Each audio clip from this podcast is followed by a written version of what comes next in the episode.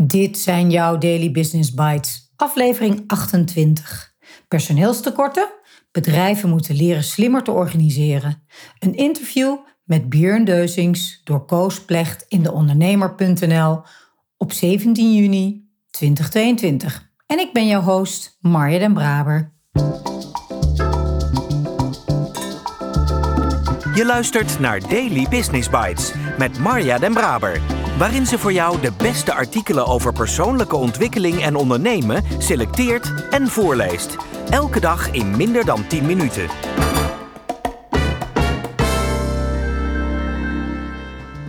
Een hele fijne dag en welkom terug bij de Daily Business Bites.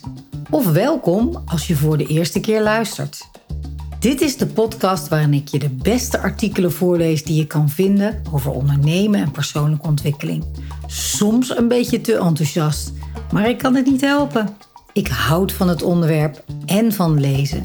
Dus dank dat je met mij meeluistert vandaag en elke dag. Als ondernemer staat Björn Deuzings aan het roer van een bedrijf dat al vier keer tot de beste opleider van Nederland werd uitgeroepen. Zijn passie voor structuur en organiseren brengt hij over op tal van organisaties die zowel in goede als slechte tijden behoefte hebben aan trainingen in time management. Ons product is niet conjunctuurgevoelig. Tijd is geld. Als kind uit een ondernemersgezin kreeg Deuzings, 43, dit met de paplepel ingegoten. Mijn vader had een constructiebedrijf en daar is mijn fascinatie ontstaan voor tijd en structuur. In een constructiebedrijf gaat het altijd om plannen. Onbenutte momenten kosten veel geld. Bijvoorbeeld wanneer je niets kunt doen op een bouwplaats omdat een fundering nog niet is gestort of omdat materialen niet op tijd geleverd zijn. Een bedrijf heeft maar een bepaalde capaciteit om geld te verdienen, maar kosten lopen altijd door. De drive om zelf te gaan ondernemen was echter aanvankelijk niet aanwezig bij Deuzings. De keerzijde daarvan kende ik namelijk ook. Het constructiebedrijf van mijn vader draaide goed, maar ging toch failliet. Vooral vanwege steeds meer personeel en het gegeven dat er steeds minder efficiënt werd gewerkt. De Limburger ging studeren en werkte daarna een aantal jaar in het voortgezet onderwijs. Deuzings, toen een oude schoolvriend me vroeg om wat didactische tips te geven omdat hij begonnen was met het geven van trainingen in time management, merkte ik dat ik het toch wel heel gaaf vond wat hij deed. Bij tijdwinst.com kon Deuzings helemaal zijn ei kwijt.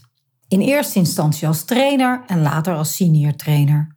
Maar ik vond het ook leuk om processen te optimaliseren en in te richten. We waren aan het groeien en omdat het een uitdaging was hoe we dat konden faciliteren zonder extra mensen aan te nemen in de back-office, ging ik me daar steeds meer mee bemoeien. Op een gegeven moment was de taakverdeling zo dat ik feitelijk aan het roer stond. Ik kon het eigenlijk net zo goed overnemen. Zeker nadat een nieuw project van de oprichter, kerstverlichtingbuiten.nl, een succes werd en hij daardoor steeds minder tijd had voor winst, tijdwinst.com. Tijdwinst.com geeft trainingen van één dag op het gebied van slimmer samenwerken. Die trainingen worden gegeven door experts uit de praktijk. Het bedrijf werd al vier keer uitgeroepen tot beste opleider van Nederland en scoort een 8,8 gemiddeld op basis van meer dan 4000 beoordelingen op springest.nl. Achter de schermen is het ook een goed geoliede machine. Deuzings. Ik zie bedrijven in mijn sector die vergelijkbaar zijn qua omzet, maar met een back-office die vele malen groter is. Ze doen veel ad hoc, er is weinig structuur en ook geen duidelijke taakverdeling. Dat zou ik niet willen. Volgens Deuzings zit er een duidelijk verschil tussen structuur en controle en die twee moet je niet verwarren. Als je structuur ervaart als controle, is er vaak iets anders aan de hand. Er wordt dan bijvoorbeeld niet gedaan wat er is afgesproken en er is sprake van weerstand. Deuzings maakt de vergelijking met een restaurant met een Michelinster. Die krijg je alleen als je alles doet met aandacht. Daarmee bereik je een bepaald niveau en dat ervaar je dan als de norm en niet als een dwingende factor. Tegelijkertijd is vrijheid ook in de bedrijfscultuur van tijdwinst.com enorm belangrijk. We zijn altijd al een voorstander geweest van tijd en plaatsonafhankelijk werken.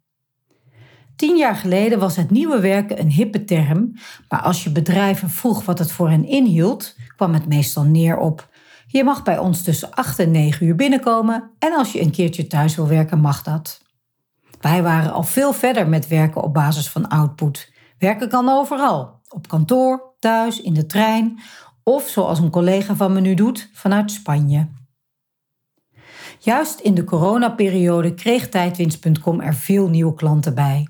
En toen thuiswerken opeens hip werd, zijn we gestart met thuiswerken.com, waarmee we onze trainingen in time management combineerden met slim samenwerken en allerlei producten daaromheen. We hebben een aantal grote organisaties, waaronder overheden en verzekeraars, getraind.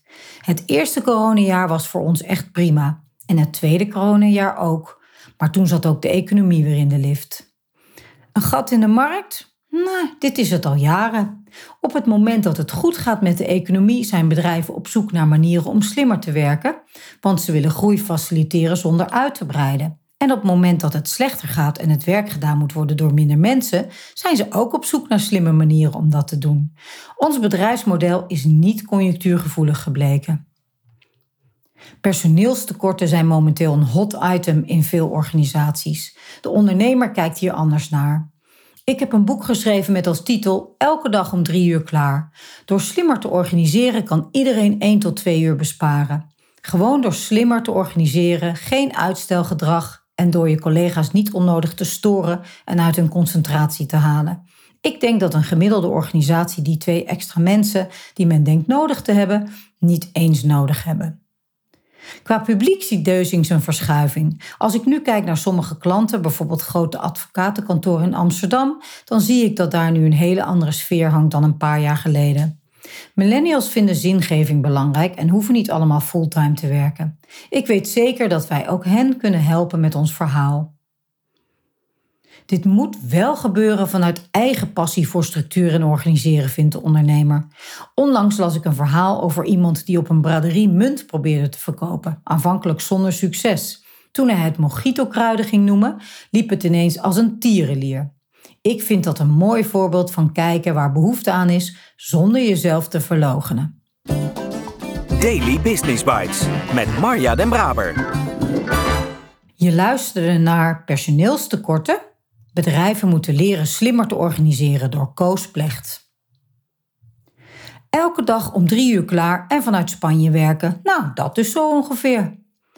Er zitten voor mij zoveel haakjes om op te pakken in dit artikel. Een businessmodel dat niet conjunctuurgevoelig is, echt top. Flexibiliteit en ondernemersgeest om in coronatijd thuiswerken.com te starten, waardoor er weer andere producten aan kunnen worden gekoppeld, beetje af. En last but not least, gewoon aan kunnen tonen dat je een significant kleinere back-office structuur hebt dan andere bedrijven met een vergelijkbare omzet. En daarmee dus kan prediken wat je in de praktijk brengt in plaats van andersom. Dan doe je dingen goed. Misschien even op Schiphol je neus laten zien, Björn. Daar zou je veel mensen een plezier doen met slimmere processen en structuren om het personeelstekort te verhelpen. Onze familie in Kluis, die inmiddels ook wel wat vaker heen en weer reist tussen Nederland en Spanje. En ik spreek je morgen weer.